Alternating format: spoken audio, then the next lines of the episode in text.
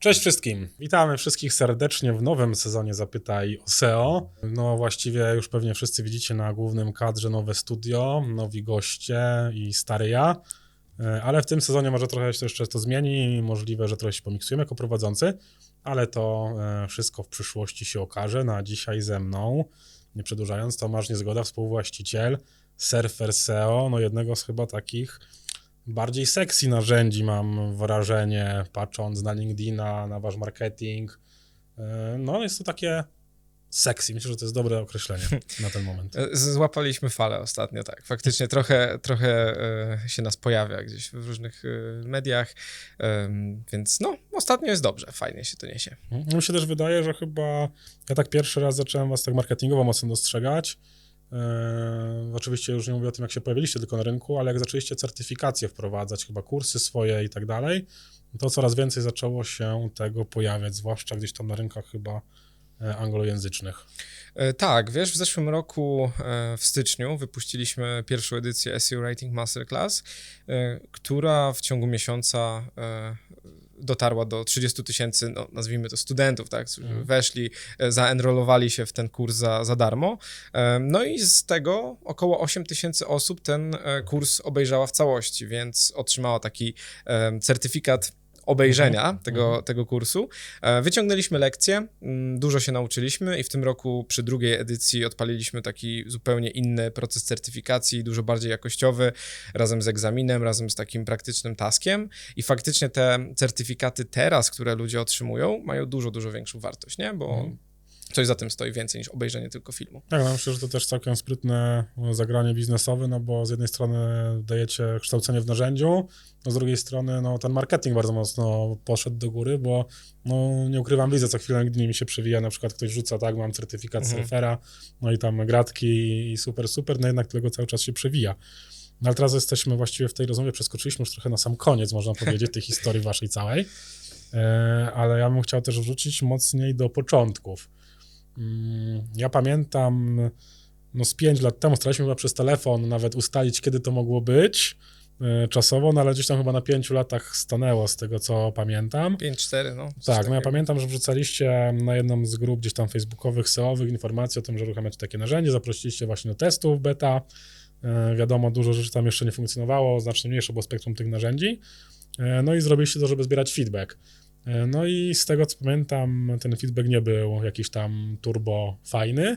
Zresztą ja sam dorzuciłem cegiełkę, e, bo pamiętam doskonale, że jak pierwsze zobaczyłem narzędzie, ok, fajnie, coś fajnego, fajna nazwa, w końcu z jakimś takim gdzieś tam tym sznytem surferowym jesteśmy na fali, E, ale faktycznie zobaczyłem narzędzie i mówię, ok, fajnie, wizualnie, mm, ale to wszystko, co tam jest, to ja potrafię sobie sam zeskrypować i wrzucić do statystyk, no i sam sobie wyrysować wykresy i właściwie nie muszę za to płacić i w tamtym momencie jakby mojego życia w ekosystemie SEO e, to narzędzie wydawało się mocno zbędne. No moja perspektywa się też zmieniła bardzo mocno w, w czasie, gdzie faktycznie no, gdzieś od dwóch, trzech lat faktycznie my używamy w firmie tego narzędzia jako może nie jedno podstawowe, bo narzędzie jest bardzo dużo, ale jest je bardzo istotnym narzędziem w ekosystemie naszych narzędzi. Mhm. No, Jak wy w ogóle na samym początku podeszliście do tego? No bo rozumiem, jest fajna zajawka i w ogóle skąd, skąd w ogóle pomysł na to narzędzie? Czy wy wcześniej pozycjonowaliście strony i czegoś wam brakowało? No jak się finalnie zmierzyliście potem z tym feedbackiem? No i jak to się stało, że z tego feedbacku negatywnego no wyrosliście na naprawdę mocnego zawodnika na rynku narzędzi? Wow, dużo wątków. Dużo wątków. To e, zanim opowiem historię, jak to w ogóle faktycznie się stało, że surfer powstał, e, to może odniosę się do tego, tego feedbacku, bo my tam musieliśmy w- taki odpalić dosyć mocny filtr. E, część feedbacku tego negatywnego dotyczyła mm, nie bezpośrednio produktu, tak? On był e, właśnie negatywny ze względu na to, że e, no, nie wiem, nie, ktoś nas nie darzył sympatią, ktoś nam inny trochę e, źle życzył, więc czasem dostrzegaliśmy tam po prostu takiej trochę zawiści. Natomiast, więc tak powiedzmy, połowę tego można było odrzucić, no bo nie, nie, nie byliśmy w stanie tak naprawdę wyciągnąć z tego jakiejś Mhm. konstruktywnej e, krytyki i poprawić narzędzia. Mm, No i dalsza część, tak, e, już była stricte związana z produktem, z jego... Mm, tak w na, na dobrą sprawę największym problemem było to, że on był skomplikowany, był bardzo trudny w odbiorze. E, To był wykres, mnóstwo czynników rankingowych, tak, jakichś e, e, miejsc, w których można się zgubić. E, więc faktycznie takim pierwszym, najważniejszym feedbackiem, e, który wzięliśmy na klatę, było poprawienie, poprawienie jego użyteczności i ułatwienie go. Jakby Mhm. stw- stworzenie trochę prostszego w odbiorze e, narzędzia. Mm, A wracając do historii, no to Surfer powstał z potrzeby e, serca, z e, tak naprawdę jako wewnętrzne narzędzie w agencji e, Sławka Czajkowskiego, gdzie oni właśnie bardzo długo robili te rzeczy, tak jak ty wspomniałeś, manualnie. Skrajpowali sobie, rzucali dane do Excela, tworzyli jakieś e, modele ko- koloracyjne e, i później e, no, szukali, prawda, tej takiej okazji do tego, żeby niskim kosztem zoptymalizować coś na stronie i finalnie osiągnąć efekt. Więc naturalnie pojawiła się potrzeba zautomatyzowania tego procesu, no bo jeśli ktoś ma poświęcać parę godzin, nie wiem, 4, 5, 6 godzin na zbieranie tych danych, potem ich analizę, gdzie analiza trwa najkrócej, to czemu by tego procesu zbierania nie sprowadzić do minuty, skoro może to robić algorytm. No i tak też powstała pierwsza wersja Surfera. Mnie wtedy jeszcze nie było, był Sławek właśnie jako właściciel agencji, był tam head of SEO Michał Suski. Michał ma brata Lucjana, który jest programistą i e, no i wtedy pracował w, strate, w, strategi- w Strategizerze, w szwajcarskiej firmie. E, bardzo duże doświadczenie. Jak on zobaczył tą pierwszą wersję Surfera, po prostu e, z tego, co mi chłopaki opowiadali, stwierdził, że on by był w stanie to napisać szybko i byłoby fajniejsze, jeszcze działało jako aplikacja webowa. No i tak też się ta trójka spiknęła. Ta trójka founderów Surfera.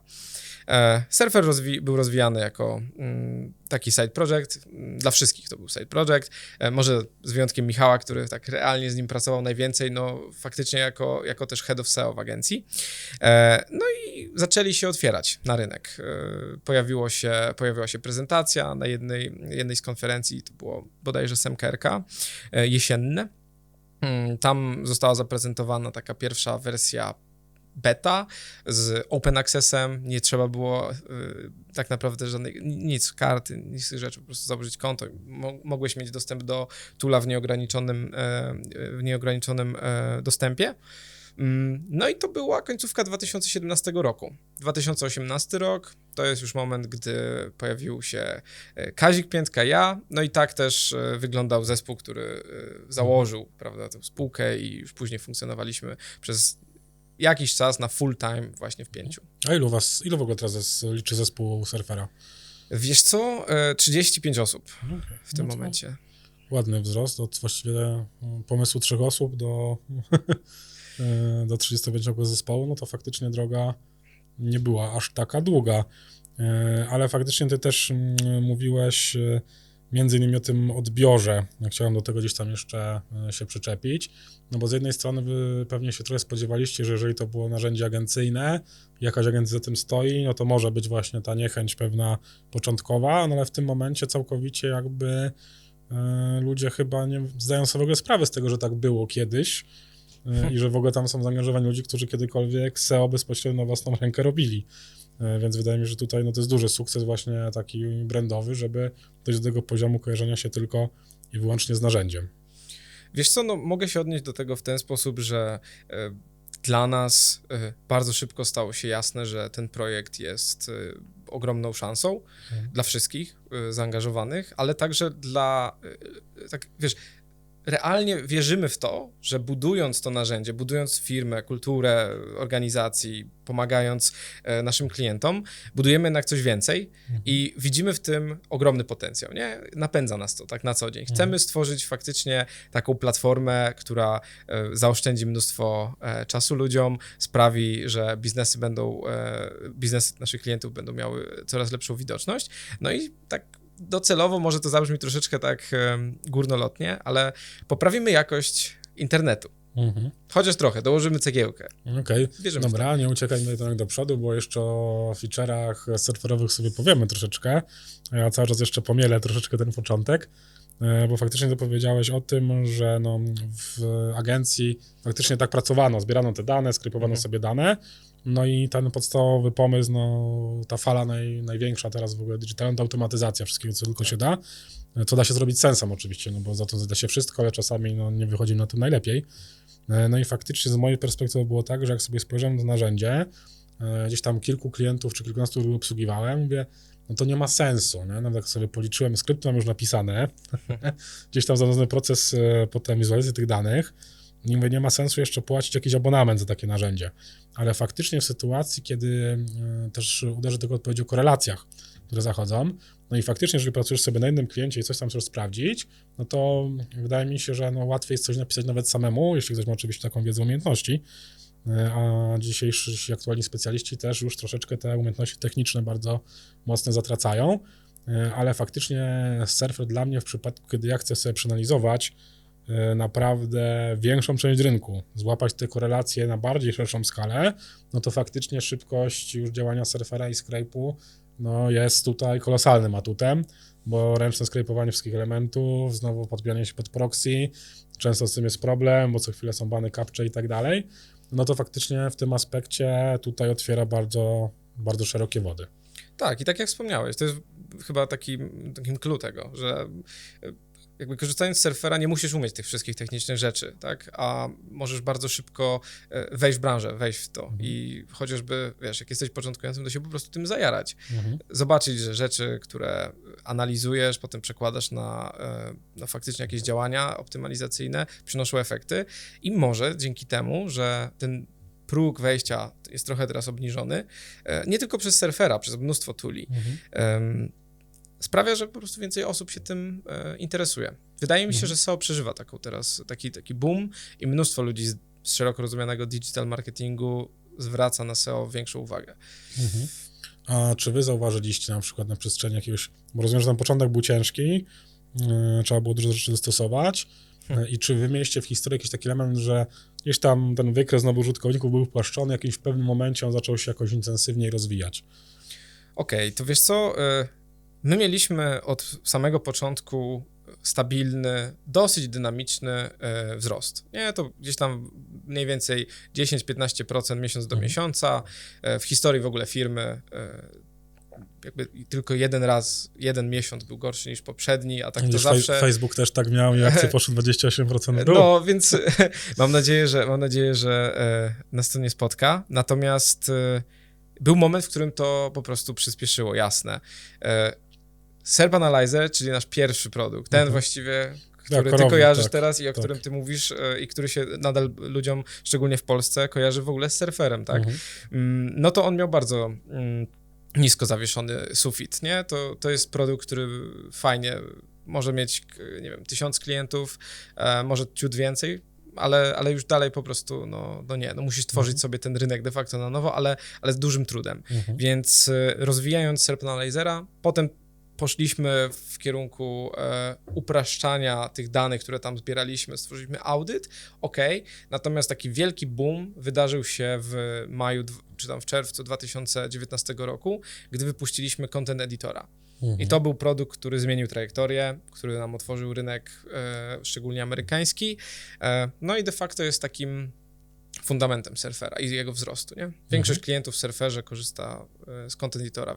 Wielu tylko z Content Editora. Okej, zanim jeszcze przejdziemy do content editora, bo to jest w ogóle ciekawa rzecz, i NLP, które tam jest jeszcze wdrożone, o tym też chciałbym z tobą porozmawiać, bo to jest ciekawa rzecz, Mm, ale jeśli jeszcze mówimy o, o Serb Analyzerze, no wy tam e, bardzo mocno działacie, przynajmniej powinniście działać z mojej perspektywy, no właśnie na temacie korelacyjnym. E, I czy wy faktycznie na początku badaliście x czynników, które sobie wybraliście i patrzyliście na korelacje i wybraliście tylko te, do, co do których macie jakąś jakąś dozę pewności, czy w ogóle podejrzeń, że mogą korelować, czy wrzuciliście wszystko, co się da i zobaczymy, co się wydarzy. No trochę tak było. Dodawaliśmy różne rzeczy, sprawdzaliśmy, testowaliśmy. Potem wiesz, e, nas to nie kosztowało za dużo, żeby to utrzymywać, nie? Więc to Mhm. wyglądało faktycznie jak tak dokładanie klocków. Em, no, no, tak było.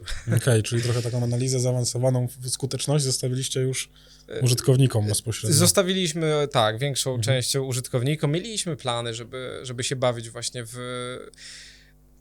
nazwijmy to analizę taką e, historyczną, tak, żeby Mhm. sprawdzać faktycznie e, te, te, te, te czynniki w Mhm. czasie, zobaczyć jak te serpy się mieszają, co, które czynniki mogą mieć przełożenie Mhm. największe, żeby urozmaicić, trochę dodać więcej Mhm. wartości w tym produkcie.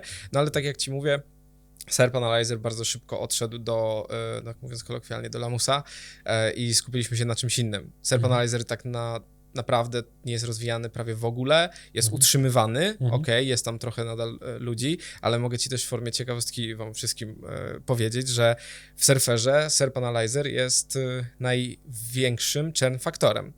Jeśli w, Okej. tak, jeśli w ciągu tam, już nie pamiętam dokładnie tego, to Michał e, z Maćkiem u nas z zespołu Data Scientistem kiedyś to analizowali. E, Nie pamiętam dokładnie okresu jakby czasu, na jakiego to dotyczy, ale e, załóżmy, że to jest, tam, jeśli użytkownik w ciągu pierwszych kilku dni Mhm. wejdzie w interakcję z SERP Analyzerem i nie wygeneruje tam odpowiedniej ilości kontenerów, to po Mhm. prostu szczernuje. Okej. Więc pojawiały się już pomysły nieraz, żeby SERP Analyzera w ogóle po prostu wyrzucić, ale na razie idziemy trochę w innym kierunku. Mhm. Wolimy ludzi przekonywać Mhm. do innych rozwiązań i do innych Mhm. metod pracy, niż im coś zabierać z dzisiejszego workflow, bo zdajemy sobie też sprawę z tego, że em, niektórzy mają zintegrowane mnóstwo procesów pod jakąś Mhm. jedną konkretną rzecz, tak? A skoro dla nas to nie jest aż takim obciążeniem, no to musimy mieć to Mhm. dobrze przemyślane. Znaczy, nie rezygnujcie z Analyzera, bo narzędzie jest naprawdę fajne. My też korzystamy z niego podczas e, audytów dla klientów, takich pierwszych analiz przy kontakcie z klientem. E, I faktycznie, e, bo o wielu rzeczach można ludziom nie zaznajomionym z SEO mówić, E, ale żeby oni zrozumieli, lepiej jest to pokazać na wykresach i faktycznie chociażby ilość kontentu, którą trzeba wyprodukować, Mhm. kiedy pada pytanie gdzieś tam ze strony klienta, ale po co mi tyle tego? No Masz wykres, Tak, tak. to po prostu to widać e, i faktycznie no wiadomo, co trzeba gonić u konkurencji i tak dalej. I też mi się tak wydaje osobiście, że nie było tego strony zera, to bym tak troszeczkę poczuł się e, e, okradziony z czegoś, e, co, co było wcześniej. Także nie idźcie tą drogą, bo faktycznie na, wydaje, wydaje mi się, że dla osób takich pierwszy raz korzystających z narzędzi stulów, e, marketingowych, zwłaszcza SEO-owych, no to on jest taki, to mówiłeś o tym, że on był trudny w odbiorze, ale wydaje mi się, że tam naprawdę dużo pracy wykonaliście w tym obszarze, żeby jednak uprościć go na tyle, że jest zrozumiały, a mimo wszystko, jak wiesz, masz wykresiki, coś się rusza, Mhm. działa, to zawsze jest jakiś taki pierwszy kontakt, o, tu się dzieje w tym narzędziu, Tak, a tak. content editor jest już bardziej, mam wrażenie, taki dla osób z jednej strony, no właśnie, przechodzimy płynnie właściwie te featuresy. Mhm.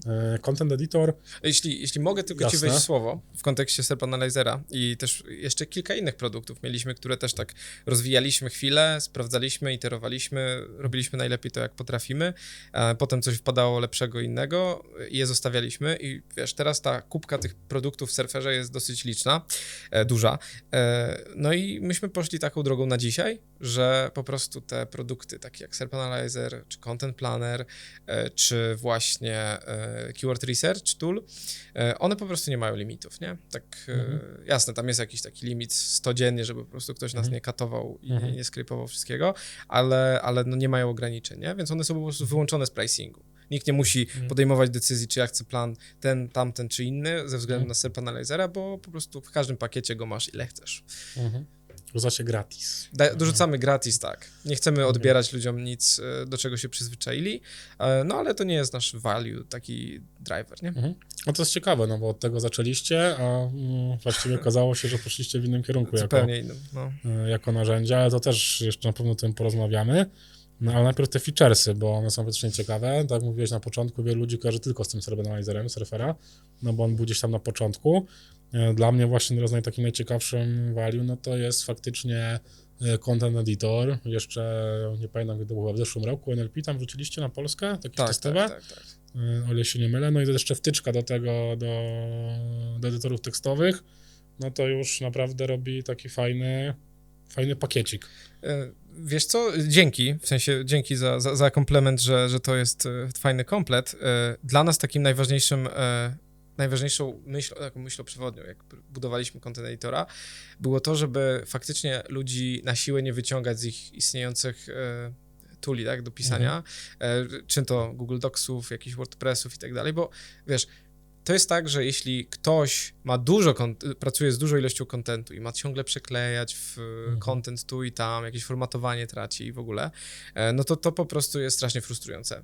Chcemy tą, jakby tą frustrację, ten friction taki Mhm. wynikający z przenoszenia się na jakiś nowy system e, ograniczyć, najlepiej do Mhm. zera, więc stąd pomysł na tą wtyczkę, nie? Że Okej. ona działa w Google Chromie, e, włącza się w większości edytorów tekstowych, e, no tak, że na pewno działa zawsze, to jest Google Docs, WordPress, Webflow i parę jakichś innych, ale dla nas, a no i oczywiście jeszcze Jasper, Mamy takiego partnershipa z nimi, Ym, ale dodawanie nowych edytorów, które to obsługuje, jest super proste. Okej. Y, Ale ja jeszcze uderzę do tego NLP, bo to jest e, ciekawa rzecz. Jak wam, jak w ogóle się uporaliście, jak sobie radzicie e, z NLP w języku polskim, bo podejrzewam, że na e, język angielski pewnie było znacznie łatwiej, chyba że się mylę. Może jakiś tam ciekawy insight z tego. Nie mylisz się. Tak było. Angielski jest e, najprostszy. Do, jakby to jest też najpopularniejszy język i em, większość tak rozwiązań e, takich bibliotek czy, e, czy jakichś gotowców w ogóle, które chociażby Google Cloud e, oferuje, mm, jest oparta o angielski. Mhm. To jest e, język, na którym największa część internetu jest, tak? Więc jak Google też crawluje, to, no to ma największą bazę, na której może się uczyć chociażby. E, Więc na angielski, z angielskim zawsze było nam najłatwiej. Mm, Jak rozwiązaliśmy temat e, e, z innymi językami, czy właśnie ten polski, który jest Mhm. trudny, no w szczegółach to zachęcam do zapytania Maćka Gruśnickiego, który jest e, data scientistem, ewentualnie Michała Suskiego, który też tam bardzo mocno w te tematy wchodzi. No ale to są po prostu miesiące takiego R&D wewnętrznego, Mhm. nie? A cały czas rozwijacie ten NLP, czy to już stanęło na jakimś poziomie i jakąś ścianę trafiliście, czy cały czas będziecie rozwijać jeszcze temat? Wiesz co, esencja, jakby do, do czego my, warto od tego zacząć, nie? Mhm. Jakby do czego my wykorzystujemy e, NLP? Mhm. Do lepszych rekomendacji e, w związku z keywordami do użycia, Mhm. ale także e, do tego, żeby określać chociażby, które entities są tymi najważniejszymi, nie? Mhm. W danym tekście. Korzystamy z tego, rozwijamy to dalej, mamy tool, taki subtool, taki powiedzmy feature Mhm. raczej w Content Editorze, który się nazywa Outline Builder. Mhm. E, działa już e, nie tylko na angielski, ale też na, w, innych językach. Co prawda nie wszędzie generuje paragrafy pod headingami, Mhm. pod nagłówkami, ale, ale staramy się właśnie e, ulepszać to do tego stopnia, żeby te paragrafy były nie tyle unikalne i dobrej jakości, ale w punkt, nie? Mhm, żeby tam tak. padały konkretne sformułowania, konkretne keywordy, dokładnie tym językiem, którym są wyszukiwane przez ludzi. No i do tego potrzebujemy rozumieć, jak ten naturalny język Mhm. funkcjonuje. Nie?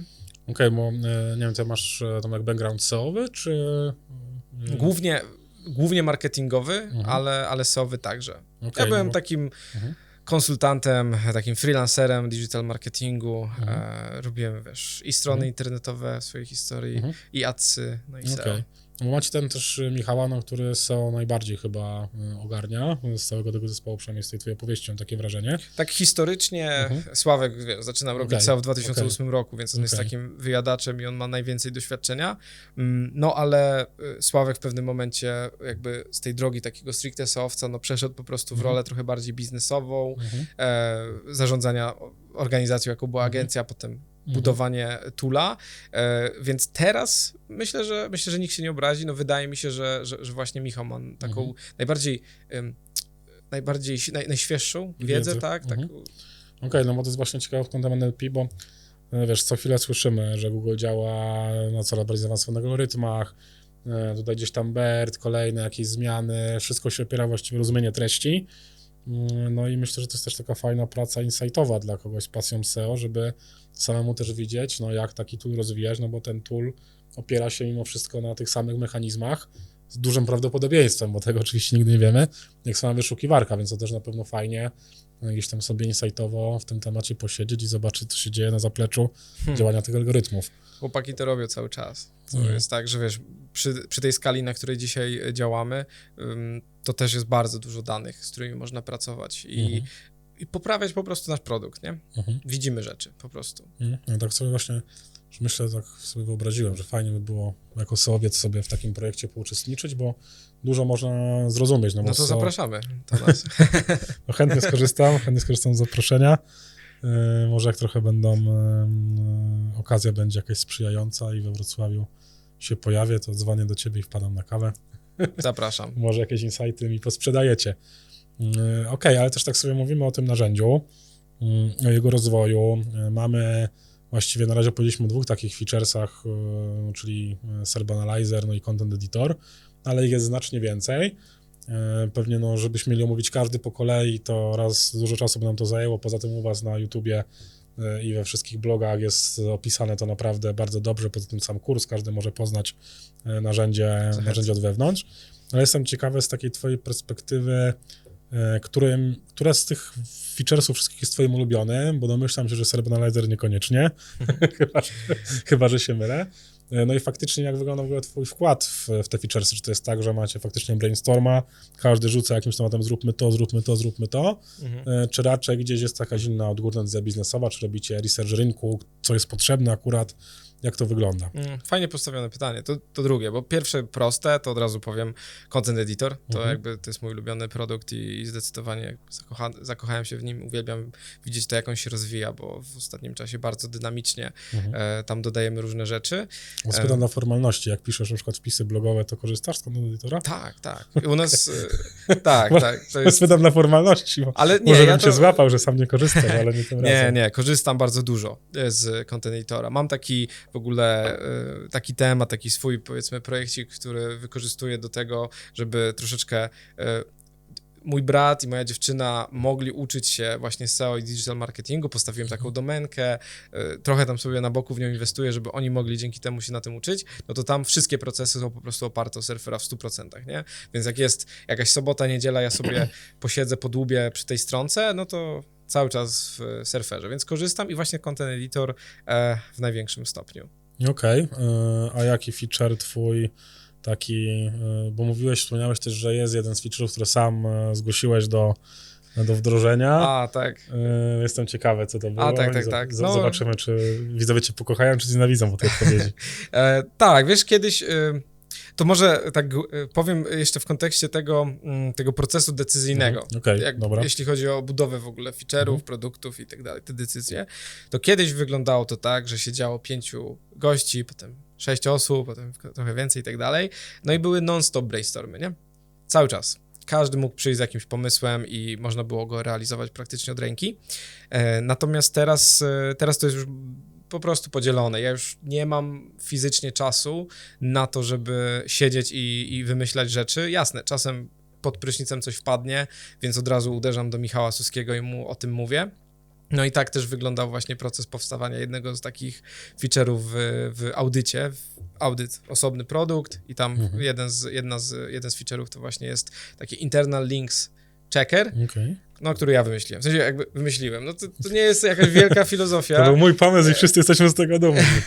Tak, no, ale poza tym to, to nie jest jakaś wielka filozofia. Wykorzystujemy po prostu te parametry mm, e, wyszukiwania site, dwukropek, domena, e, tam keyword w cudzysłowie Mhm. i dopasowujemy dzięki temu Mhm. mm, podstrony, które Google sam ocenia za podobne do tego głównego Mhm. keyworda. Sprawdzamy później, e, czy, e, e, czy, czy, czy są już tam linki, tak, Mhm. do tego, do tej podstrony, którą audytujemy, czy Mhm. nie. Jeśli nie, no to dostajesz sugestię w audycie, że tam warto umieścić link, no i jeszcze z jakim ankorem, z jakim keywordem, nie? Bo też jesteś w stanie to Okej. wyciągnąć, to już nie powiem jak, ale no tak jak mówię, No, może coś tam.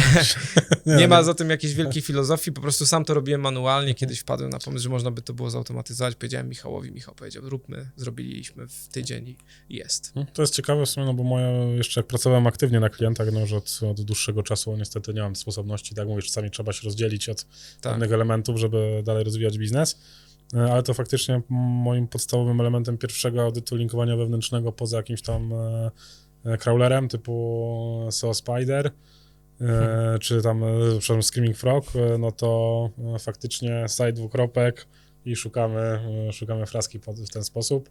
I faktycznie zawsze też przeklikiwałem. Pamiętam, że byłem z siebie dumny, że zautomatyzowałem kiedyś sobie pracę wtyczką. Po prostu odpalałem te wszystkie podstrony w nowej karcie. To kiedyś wtyczkę, która kopiuje URL ze wszystkich otwartych kart. Aha, I byłem z siebie dumny, że już nie muszę potem wszędzie Ctrl-C, Ctrl-V lecieć.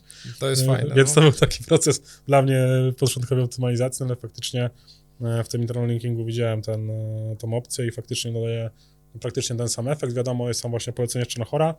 E, No tutaj każdy już sobie tam może działać w swój własny sposób. Też też, e, no nie będziemy zdradzać insightów, ale podejrzewam w jaki sposób to może Mhm. działać.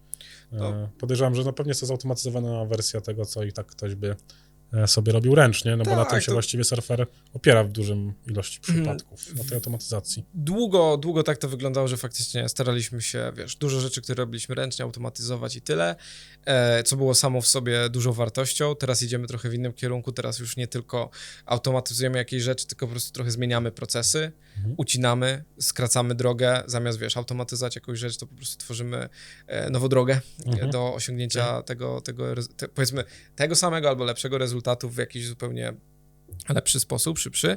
Mm, W kontekście tych internal linków, no to to jest y, mega spoko feature, ale no on jest ograniczony tymi zasobami googlowskimi, tak? Bo Mhm. jeśli Google czegoś nie, nie scrollował albo Tak. nie podpowiada ci w serpie na ten keyword, to on nie istnieje dla audytu, Mhm. tak? Więc Chociaż też no, z drugiej strony jest to dosyć sensowne rozwiązanie, bo skoro Google czegoś nie scrollowało, to i tak zmiany na tym adresie i tak nam nic nie, nie dadzą, bo nie, są- nie są w indeksie, więc Tak, właściwie też taki no, troszeczkę brak marnowania zasobów na coś, co i tak nie jest scrollowane. Mm, To prawda, oczywiście, zgadzam się w 100%. Tak, tak bym też tłumaczył e, ewentualne braki danych, e, jakby ktoś przyszedł ze świeżą domenką, Mhm. ale wydaje mi się, że też naturalnym takim krokiem gdzieś tam dalej byłaby jednak faktycznie taka, wiesz, skraulowanie prawo, po prostu domeny i danie re- rekomendacji w oparciu o nasz Mhm. własny silnik e, przy internalinkach i to też e, myślę, że będzie właśnie w ten sposób rozwijane. No, znaczy no, powodzenia, myślę, że to będzie duża praca przed wami, zwłaszcza w e-commerce'ach, gdzie na przykład no, wypada dziennie tysiąc produktów, wpada 8 tysięcy,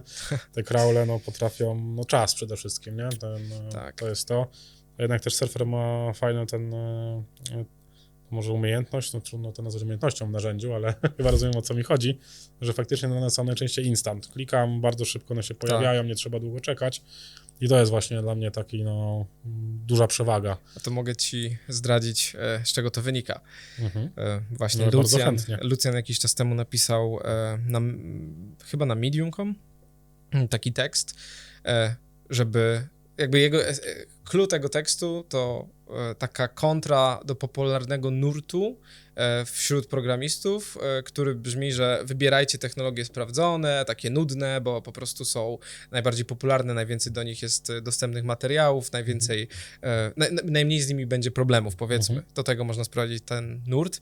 No i Lucjan jakby się z nim w tym tekście właśnie nie zgadza, e, sugerując, że lepiej wybierać technologię, która was ekscytuje.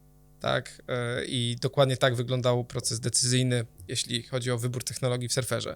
E, Lucjan podszedł do tematu w ten sposób, że w momencie, gdy zaczynał pisać surfera, bo on na samym początku był jedynym devem, to cały trzon, to wszystko to, to on postawił, e, stwierdził, że jeśli to nie wyjdzie, tak, ten projekt, to przynajmniej się nauczy nowego języka, nowej technologii Mhm. i wybrał coś, co go ekscytuje, czyli Elixira. Mhm. I Elixir, e, no to była dosyć ryzykowna decyzja, nie? Bo Mhm. równie dobrze ten projekt mógł się nie powieść i dzisiaj byśmy nie mieli, e, technologia by nie Nic była by nie rozwijana było, i tak. trzeba było ją przepisywać na coś Mhm. sprawdzonego faktycznie i no, moglibyśmy potencjalnie stracić trochę czasu. Natomiast e, ryzyko się opłaciło, bo Elixir działa e, fenomenalnie, jest szybki i no, między innymi dlatego jesteśmy w stanie, wiesz, zaprezentować ci Mhm. mnóstwo danych, przeanalizować je w ciągu minuty. Mhm. Nawet był taki moment, pamiętam, e, chyba z 3 lata temu, e, bawiliśmy się z jakąś iteracją, bodajże w SERP Analyzerze jeszcze i dane byliśmy w stanie tam e, właśnie ogóle zaprezentować w ciągu kilku sekund i w dyskusjach przy piwie pojawiał nam się pomysł w głowie, żeby to zwolnić na frontendzie sztucznie, bo ludzie nie uwierzą, że to jest, e, wiesz, jakaś wartość, nie? Prawdziwa Jasne. za tym stoi. Jasne, rozumiem. No, skoro wystarczy kliknąć jest, to Tak. trzeba za to płacić. Tak, dokładnie. No. To jest, wiesz, jak, jak ten problem e, czasem w tych książkach takich biznesowych czasem się pojawiał, że no, nie idziesz do dentysty na, prawda, wy- wyleczenie zęba e, i płacisz mu za e, minutę czy dwie pracy, bo przecież dentysta może ci powiedzieć, dobra, mogę ci go wyrywać przez godzinę, Nie, ale czy tak. tego chcesz? Tak. No właśnie. No to jest prawda, to jest prawda, ale to pozdrawiamy Lucjana w takim razie, bo faktycznie... Serdecznie pozdrawiamy, tak. Tak, bo faktycznie e, pójście na przekór technologiom i utartym schematom no to jest podstawa rozwoju, nie tylko już tutaj mówiąc o samej branży digitalowej, no ale możemy się nawet do Kopernika cofnąć, tak? Ktoś musiał w końcu pójść pod prąd, żeby, Tak, e, żeby zrobić coś nowego i faktycznie no, bez takich rozwiązań no, branża by stała w miejscu. Nigdy ko- byśmy się nie rozwinęli. Mhm, tak, w kontekście w ogóle tej decyzji to też jest tak, że to jest e, świetny filtr dla nas. E, Mhm. W sensie trudno jest znaleźć deweloperów, e, którzy mają doświadczenie w Elixirze, bo tak jak mówię, ta technologia powstała mniej więcej wtedy, co Surfer, Mhm. więc e, nie jesteś w stanie e, tam mieć kogoś, wiesz, dziesięcioletnim doświadczeniem tak. w technologii, bo na mapie, no ale to nie, to nie jest nawet istotne. Ważne jest to, że jest bardzo niewielu deweloperów, którzy programują w Elixirze na Mhm. rynku i to jest tak, że jak oni to robią, to z automatu coś to o nich mówi. Mhm. E, mieliśmy świetny fit, taki, taki, takie macze z ludźmi, którzy przychodzili i coś kumali z Elixira, na przykład, Mhm. wiesz, e, dubali w nim pół roku, e, no i szukali jakiegoś komercyjnego projektu, w którym mogliby się rozwinąć, trafiali na surfera i do dzisiaj Wiesz, mamy w zespole po prostu ludzi, którzy są tacy jak Lucjan trochę, nie? w sensie Mhm. jakby też wybierają tą Mhm. ekscytującą technologię, Mhm. e, a nie coś, co jest tam przyklepane, oklepane i No, może sprawdzone. Powinniście rekrutację tak nazwać. I ty możesz być taki jak Lucja. Może by za, zachęciło ludzi No, dodatkowo. nie, no to była, to, to była świetna decyzja i, i jasne, ryzykowna, pewnie gdzie niegdzie czasem nas gryzie, bo trudno znaleźć, tak jak mówię, programistę eliksirowego, ale z drugiej strony e, te korzyści, które z tego wynikają, że mamy super szybką apkę, poza tym jak już kogoś znajdziemy, to ten ktoś jest e, świetnym devem, e, no, to jest fajna sprawa. Okej, no czy to... No czekamy na kwiatki z HR-ów, jak zaraz się pojawią ogłoszenia, szukam specjalista od Elixira z Są 10-letnim odpalone. doświadczeniem, Ha! tak? No tak, to, to, to można z tego memy robić śmiało, no. No Ale- myślę, że to jeszcze chwila i pewnie tak będzie, bo no. wiesz, niby technologia tak mówi, że jest dosyć młoda i ile ma, może 5 lat, ale tak naprawdę w e, skali życia digitalu, internetu, no to 5 lat to już jest właściwie staruszek Emerytura. powoli się robi, tak, za chwilę, że będzie pewnie czymś za nas No. zastąpić. Dużo teraz, sorry, że tak czas o tym Mhm. eliksirze mówię, ale to jest takie jakieś fascynujące dla mnie. E, właśnie tak jak robimy rekrutację, to dużo ludzi, którzy siedzą w eliksirze, no to, to jest e, gdzieś tam na przykład produkt w krypto, w jakichś takich rzeczach Mhm. tu, turbonowych, blockchainowych, e, więc e, no to jest to wszystko takie bardzo nowe, nie? Świeże, Mhm. takie, gdzie można jeszcze lepić dużo i to się szybko zmienia, więc y, myślę, że coś tego jeszcze będzie, y, jeszcze, jeszcze więcej, tak? Jeszcze, Mhm. jeszcze, jeszcze wyciągniemy z tego coś, o czym nawet dzisiaj nie myślimy. No właśnie, o niektórych rzeczach jeszcze nawet nie myślicie, bo nie wiecie, że w ogóle można myśleć, ale na pewno o jakichś feature'ach, które się za chwilę może już pojawią, albo w niedługim czasie, no to już coś wiadomo i tutaj Hmm. pociągnę cię za język nie wypuszczę ze studia, dopóki czegoś nam nie sprzedasz. Słuchaj, nie będziesz musiał się męczyć, chętnie. E, no, myślę, że mogę tak e, powiedzieć, może nie, wiesz, w detalach, bo chcemy jednak trochę zaskoczyć ludzi, ale pracujemy nad czymś ogromnym mm, już od dłuższego czasu. To jest projekt, e, który jakby rozwijamy najdłużej ever i trochę tak w cieniu, pod kamieniem, ale, ale, ale myślę, że jak już wyjdzie, to, to ludzie będą e, zadowoleni. Miałeś moją E. uwagę, teraz masz zainteresowanie. O, E, w każdym razie mówiąc tak enigmatycznie, ale myślę, że cię dobrze naprowadzę, Mhm. zamiast tego, chcemy troszeczkę zmienić kierunek. W sensie zamiast tworzenia kolejnych różnych produktów, które będą automatyzowały, usprawniały, poprawiały jakąś konkretną część pracy, to chcemy po prostu to wszystko zintegrować w jeden system, w jeden proces. Chcemy wyciągnąć to, co najlepsze z, ze wszystkich rzeczy, które mamy i stworzyć taką, powiedzmy, platformę. Okej, platformę, która ma cały czas zajmować się pozycjonowaniem. Zamyślam, czyli mogłem się jakiś coś może z tego wirtualnego pozycjonera w tym kierunku. No, Dobrze, okej. Chcemy, w sensie, wiesz, faktycznie nie chcemy jakby y, od, zastępować ludzi, nie? Tak, Mhm. chcemy, chcemy cały czas, żeby tam ludzie y, po prostu Mieli swoje pracowali, miejsce mieli swoje miejsce. E, nie łudzimy się, że jesteśmy w stanie zrobić to teraz dobrze, tak sensownie. Mhm. E, natomiast e, jesteśmy w stanie po prostu rzeczy, które są rozsiane dzisiaj, tak jak Mhm. mówię, wrzucić do, do jednego worka i pomóc ludziom osiągać e, świetne efekty e, w oparciu właśnie takie, no to jest już oklepane słowo, ale takie holistyczne spojrzenie, Mhm. nie? Na domenę. Nie, że patrzymy na stronkę raz, Jako content, jako, Jako coś, jako content, coś, jako backlinki, jako wszystko. czasem właśnie jako jakiś performance Mhm. strony, tylko że to wszystko się z, układa w całość, nie? Mhm. I każda z tych rzeczy działa na, na, na korzyść później, albo na niekorzyść. Okej, kiedy jakieś bety? Można, bo pewnie za- znając was, to pewnie najpierw pójdzie we- wersja beta, Tak będzie. E, zrzucicie na testy, znowu feedback i kiedy można się spodziewać czegoś, coś już... Dobra, dobra część e, już jest na stagingu, już się bawimy tym praktyce. Myślę, że e, planujemy e, pod koniec marca, a na początku kwietnia wypuścić. Okej, no to już lada moment. Możliwe, że już jest, jak jeszcze tego odcinka nie ma, bo nagrywamy go z wyprzedzeniem, więc możliwe, że już jest to dostępne na surferze, a my jeszcze mówimy o tym Tak. formie przyszłości. E, Także e, jeżeli wyszło to e, na początku kwietnia, to To już wszystkich powinno zapraszamy, być. To już zapraszamy do powinno logowania się serwera i sprawdzania. Mm, Okej, a powiedz mi, bo tak też sobie przyszliśmy już całą tą drogę surferową i mi się wydaje, że tak wy ewoluowaliście, to też chyba troszeczkę ewoluował profil użytkowników. Mhm. No bo wydaje mi się, że na samym początku to było narzędzie bezpośrednio dla salesów, zresztą też o tym mówisz, że miało to wspierać gdzieś tam wewnętrzne procesy agencyjne, potem ewoluowało jako narzędzie, no ale było to narzędzie typowo dla specjalistów SEO, którzy byli w stanie zrozumieć, o co w ogóle w tym narzędziu chodzi, E, ale mam wrażenie, że gdzieś ten chyba zakres się trochę zmienia tego. Tak, tak, bardzo się zmienił. No myślę, że jeszcze 3-4 lata temu, jakbyś mnie spytał o, o klientów, to bym powiedział, że 80-90% to są po prostu specjaliści SEO, ludzie, którzy serio kumają, tak, branżę, e, ale teraz to, już- to, już, to już tak nie wygląda, nie? Teraz e, z Surfera korzystają zespoły in-house'owe, marketingowe, w jakichś SaaSach, w jakichś, wiesz, Fortune 500 e, firmach, ale także właściciele agencji, którzy sobie po prostu wpinają surfera w całe procesy i patrzą tak, wiesz, z góry na, na ten content, a, a, a writerzy w, tej, w tych agencjach pracują z content editorami właśnie i, i, i z jeszcze innymi produktami.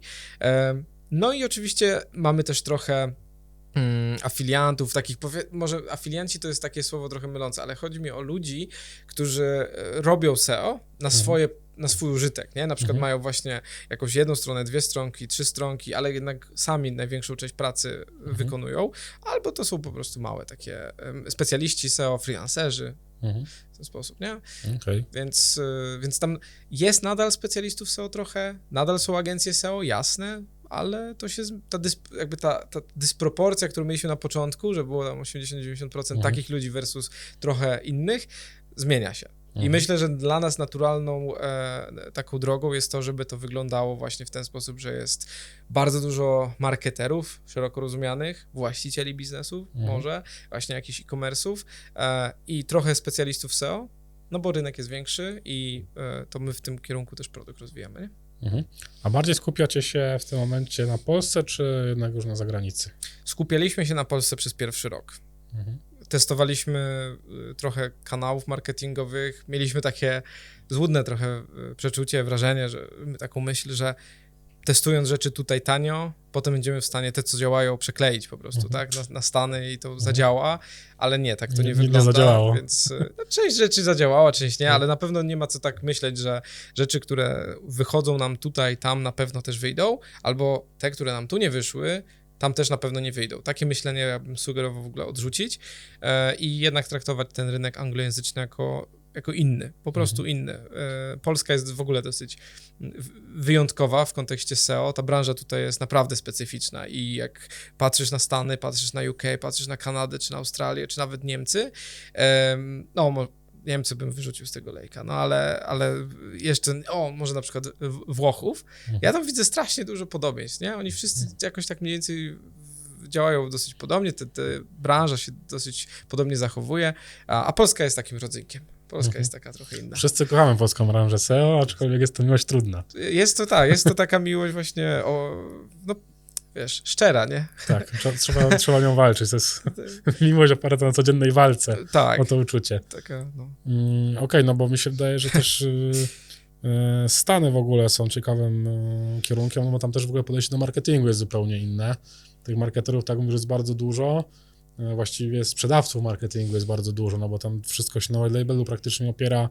Y, Ludzie lubią prezent, handlować, prezentować. Myślę, że serwer jest świetną rzeczą w ogóle w takim elemencie, procesie też sprzedażowym w ogóle różnych usług związanych z digitalem. No bo tak jak mówię, daje fajny, taki szybki dostęp do, do danych, ale też pokazuje mimo wszystko ten proces skomplikowaności tego wszystkiego, co się w ogóle w digital marketingu dzieje. Tak, tak. Sporo ludzi korzysta w ogóle z naszej. Mamy taką funkcjonalność whi- white labeling. Mhm. Można sobie tam y, dostosować y, audyt, content editor. Y, możesz, Mhm. wiesz, go trzymać na swojej subdomenie ze swoim logo. I dużo ludzi, nie? Tak właśnie działa, Mhm. że ma bardzo fajnego toola, który pokazuje szybko, co jest do zrobienia. Na przykład audyt, nie? Mhm. Jest na czerwono, przychodzisz do klienta, mówisz, jak zrobimy, że będzie zielono, to będziesz miał więcej ruchu. I klient mówi, no dobra, to zróbcie. Mhm. Tak, Sprzedaż no to- się odbywa w 5 minut, nie? Tak, tak, no. no nie, to jest prawda, bardziej, że gdzieś tam e, na zachodzie te procesy sprzedażowe też troszeczkę inaczej wyglądają niż u nas. U nas jednak jest duże natężenie agencji, SEO specjalistów, freelancerów i tak dalej. Jednak no, ta, no, ten temat handlowy jest mocno e, utrudniony, no bo jednak no, konkurencja jest duża, rynek, no, mimo że spuchł trochę po, w trakcie pandemii, no to już się tak wyrównuje. Ci, którzy sobie dali radę w trakcie pandemii, to dali radę, a ci, którzy mieli upaść, no to już powoli upadli. Yy, Okej, ale powiedz mi jeszcze z takich ciekawostek, które mnie interesują co do samego e, surfera. Yy, Może brutalnie to zabrzmi, ale czy w ogóle e, nie powiem bawienie się, no bo to już nie zabawa to pewnie mogło być przez pierwszy rok e, waszego działania, teraz to już jest prowadzenie poważnego biznesu. A czy taki biznes narzędziowy w ogóle się opłaca? Hmm. Tak, tak, bardzo się opłaca. W sensie, wiesz, SASy się świetnie skalują, nie? Te produkty, które faktycznie mają ten taki product market fit, e, są na takiej trajektorii, że wiesz, dokładając e, jakby koszty skalują się bardzo powoli, nie? A te przychody potrafią ci po prostu wystrzelić e, logarytmicznie, nie? Nagle e, rozwijając jakąś funkcjonalność, taką jak na przykład Content Editor, okazuje się, że z Content Editora może korzystać 10 tysięcy osób, nie? Mhm. I do utrzymania content editora nadal potrzebujesz 3-4 devów. E, trochę jasne, może tam rekrutacja się zwiększa w supporcie, żeby to Mhm. utrzymywać i zapewniać wsparcie, ale de facto możesz to zostawić, nie? Trochę Mhm. rozwijać, utrzymywać, Mhm. ale klientów przybywa ci e, bardzo, bardzo dużo, bardzo szybko, nie? Jeden na przykład dobry partnership, jakiś fajny film, w którym tłumaczysz, jak osiągnąć efekt, obejrzy to 100 tysięcy osób, tysiąc później e, skonwertuje, nie? I, I przyprowadzi swoich znajomych. Wiesz, oczywiście sprowadzam to do jakiegoś takiego ideału, Mhm. ale to się świetnie skaluje. Mhm. Dobra. A to może taki już podsumowujący, no to już prawie godzinę rozmawiamy ze sobą. O, szybko. E, tak, mówiłem, mówiłem, że czas szybko tutaj będzie leciał, bo Tak jak gdzieś tam się wpadnie w wir dyskusji, tak jest. E, ale gdybyś e, ty jako Tomasz Niezgoda mógł się cofnąć 5 lat wstecz tą wiedzą, którą masz dzisiaj e, i to dzisiaj gdzieś e, przychodzi Michał i reszta chłopaków, mówią Tomek, robimy coś takiego, wchodzisz, to ty mówisz, jasne, wchodzę, co byś zrobił inaczej niż, niż zrobiliście we waszej historii. O, świetne pytanie. E, wiesz co, cza, jakby czasem I, się nie, na nie, ty... nie, nie chcę odpowiedzieć, kupiłbym bitcoiny. E, no, no nie, kupiłbym e, pewnie, e, mimo wszystko, a, bo nie można się cofać w czasie. Ale nie, tak na poważnie, to czasem zadaję sobie to pytanie i wiesz co, ja mam wrażenie, że, bo to zabrzmi też, nie chcę, żeby, może zabrzmi, ale nie chcę, żeby zabrzmiało tak arogancko, że trochę trudno mi wyobrazić sobie, że coś miałbym zmieniać, bo w naszej historii było tak wiele takich bardzo takich dziwnych, takich nieoczywistych, takich wręcz takich przypadków, Mhm. że boję się, że jakbym coś tam ruszył inaczej, to byśmy teraz nie byli w tym miejscu, w którym jesteśmy. Okej. Tak myśląc y, na chłodno i zakładając, że jednak dałoby się wiele rzeczy poprawić, zrobić lepiej, to pewnie nie rozwijałbym. Jakbym miał taką, wiesz, moc sprawczą, żebym powiedział, chłopaki, nie róbmy tam tula do analizy backlinków, bo nie będziemy później tego rozwijać i stracimy trzy miesiące Mhm. możemy się zająć czymś innym, nie? Ale z drugiej strony sobie od razu wtedy myślę, że a co gdyby pojawił się ten sam pomysł, tylko później nie mielibyśmy tych doświadczeń, że nie warto tego robić, byliśmy, bylibyśmy już w innym etapie i w złym momencie byśmy odwrócili naszą uwagę, nie? Mhm. I nagle byśmy się zakopali, udusili pod, y, pod tym na, naporem właśnie tego, tego problemu, bo wiesz, na, na im większej architekturze, tak, tym później to, to trudniej się trochę pracuje. Więc nie wiem, co bym zrobił inaczej.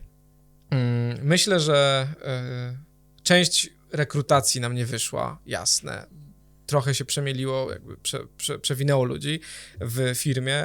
Mądrzej, jesteśmy teraz mądrzejsi, więc dużo lepiej byśmy na pewno tym zarządzali. E, no, myślę, że Okej, no myślę, że ważne jest to, co mówisz, że właściwie każda porażka to jest taka cegiełka do sukcesu, tak, tak. bo jest to jakaś nauka, którą gdzieś tam się wyciąga z tego wszystkiego. No a jeśli coś ma się w projekcie nie udać, to najczęściej są to właśnie kwestie HR-owe, no ludzie, których zatrudnisz do, do realizacji tych zadań, to jest naj, największym błędem obarczone. Yy, Myślę, że to są takie naturalne rzeczy, które chyba każdy, kto yy, myślę, że na pewnym etapie można nazwać startupem surfera. Czy... No wiesz, to zależy od tak definicji, nie? tego, Bo, bo tak. to, ja się spotykam z taką też bardzo szeroką definicją, to, to myślę, że w to się łapiemy. Nadal Mhm. jesteśmy, wiesz, bardzo dynamicznie rośniemy, e, mamy innowacyjny produkt, gdzieś tam inwestujemy Mhm. dużo w R&D, w technologię. Jasne, e, to łapiemy się na 100% w coś Mhm. takiego. Ja myślę, że chyba też się fajnie wpisaliście takie trochę memiczną e, gdzieś tam rozmowę, którą widziałem, wiadomo, w formie mema stworzoną, e, gdzie ktoś pytał na jakiejś grupie właśnie startupowej, e, sk- skąd wziąć e, pieniądze na rozwój narzędzia. I ktoś odpisał od klientów.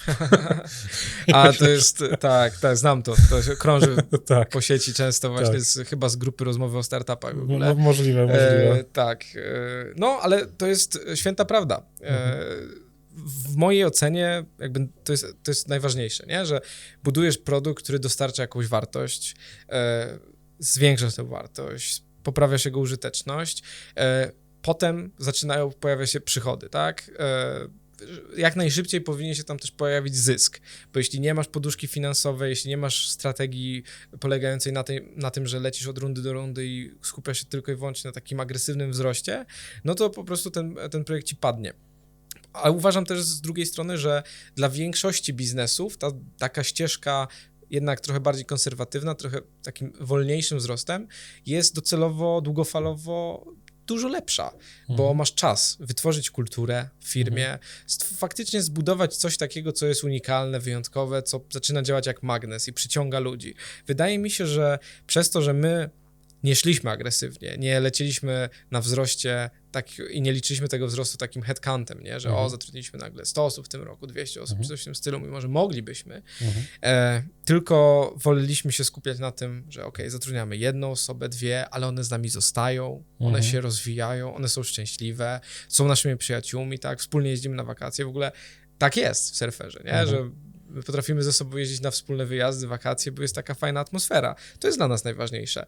E, I jak już pojawiają się e, klienci, e, no to też reinwestujesz środki, rozwijasz to, dajesz coraz większą wartość i większą, i ci klienci z tobą zostają na lata, przyprowadzają swoich kolegów. Klient przyciągnął surfera do jednej firmy, w której pracował, po roku z niej odchodzi, surfer w tej firmie zostaje, a ten pracownik przychodzi do innej i tam wdraża surfera. Mhm. I wiesz, long termowo Mhm. fajnie, to zaczyna, fajnie to zaczyna wyglądać teraz, że naprawdę e, udało nam się zbudować jakąś taką organizację na spokojnie, e, bez szaleństw, bez takiego blichtru, bez chodzenia po mediach, bez e, wiesz, ro- robienia sobie takiego szumu, że a tutaj po prostu no, takie pieniądze, tyle klientów i w ogóle. Jasne, czasem zdarzało nam się coś takiego napisać. Chcieliśmy ch- się prze, gdzieś tam przewijać, żeby też Tak, żeby było was, no jednak było słychać, że coś się dzieje. że coś się dzieje, bo to też pomaga przy Mhm. rekrutacjach. No, ale, ale tak zaplątałem się trochę, ale kończąc wątek, no chcę powiedzieć, że uważam, że można zrobić biznes w takim starym stylu, na spokojnie, e, który jest globalnym, dużym sasem i bardzo szybko się rozwija, nie? Okej. No chciałem na koniec właśnie zapytać jakieś e, twoje porady dla kogoś, kto chciałby wystartować z takim projektem, ale myślę, że możemy po prostu e, nawołać do cofnięcia 10 minut tego materiału e, i, i faktycznie wiele tych cennych porad tam jest, no chyba, że masz jeszcze jakieś takie dwie, trzy e, hasłowe rady dla tych, którzy dzisiaj siedzą, robią SEO, coś ich wkurza i mają pomysł na super narzędzie, co powinni z tym zrobić. No ja myślę, że taka checklista by wyglądała w ten sposób. To zrób to, testuj, iteruj, nie bój się zbierać feedbacku, tak? E, Krytyka jest w porządku, jeśli nie jest ad personam, e, to, to wyciągaj z tego dużo i ulepszaj produkt, jeśli jest, to olej, bo nie ma sensu wchodzić w dyskusję z ludźmi, którzy są toksyczni. A po trzecie, e, staraj się dodawać wartość, jak najwięcej, nie? Tej wartości. To, o czym przed chwilą mówiłem. Mhm. To jest, to powinno, wokół tego ktoś powinien mieć moim zdaniem obsesję, nie? Jak jesteś właśnie founderem i tak dalej, powinien się na tym skupiać, zamiast zajmować się e, w jakimś tam marketingiem, tym wszystkim, Mhm. to przyjdzie, na to będzie czas, ale produkt musi się bronić po prostu. Okej, no ja myślę, że to jest bardzo fajne podsumowanie. Ja tylko dam od siebie a propos właśnie zbierania feedbacku. Można zebrać feedback negatywny, a mimo wszystko po kilku latach usiąść przy stole i rozmawiać na ten temat, bo tak było w moim przypadku i twoim, także myślę, że to jest chyba tylko nauka na to, że ten negatywny feedback też trzeba właśnie przekuwać te wartości, o których ty mówisz i robić dalej swoje i nie patrzeć na to, e, co gdzieś tam się dzieje z tyłu. 100% się zgadzam i nie ma co palić mostów. Też uważam, że nawet ludzie, którzy dają właśnie taki negatywny feedback i tak dalej, e, mogą, w sensie oni są często bardziej wartościowymi kontaktami niż Mhm. tacy Turbo zadowolenie. tak, przyjaciele, turbooptymiści, którzy cię tak. cały czas klepią po plecach i Mhm. mówią, że tak, wszystko robisz dobrze i tak dalej. Ja dużo bardziej sobie cenię faktycznie krytykę, natomiast no jednak jest różnica między taką krytyką a Tak. toksycznością i uważam, że akurat tej toksyczności u nas na rynku jest trochę za dużo. Fajnie by było, tak toksyczności, zawiści, tak, Mhm. tego jest trochę za dużo. Ale poza tym uważam, że krytyka to sama w sobie konstruktywna to jest super ważna rzecz. Okej, to przeszliśmy sobie całą historię od e, z powstania narzędzia, e, przez jego rozwój właściwie kończąc na definicji hejtu w internecie. e, a to wszystko dzięki Tomaszowi Niezgodzie z Surfer SEO, który dzisiaj, e, dzisiaj był moim i waszym gościem. No cóż Tomku, wielkie dzięki za odwiedziny w studiu. No i do zobaczenia następnym razem. Dziękuję bardzo za zaproszenie i dzięki wszystkim za obejrzenie. Trzymajcie się, na razie, hej.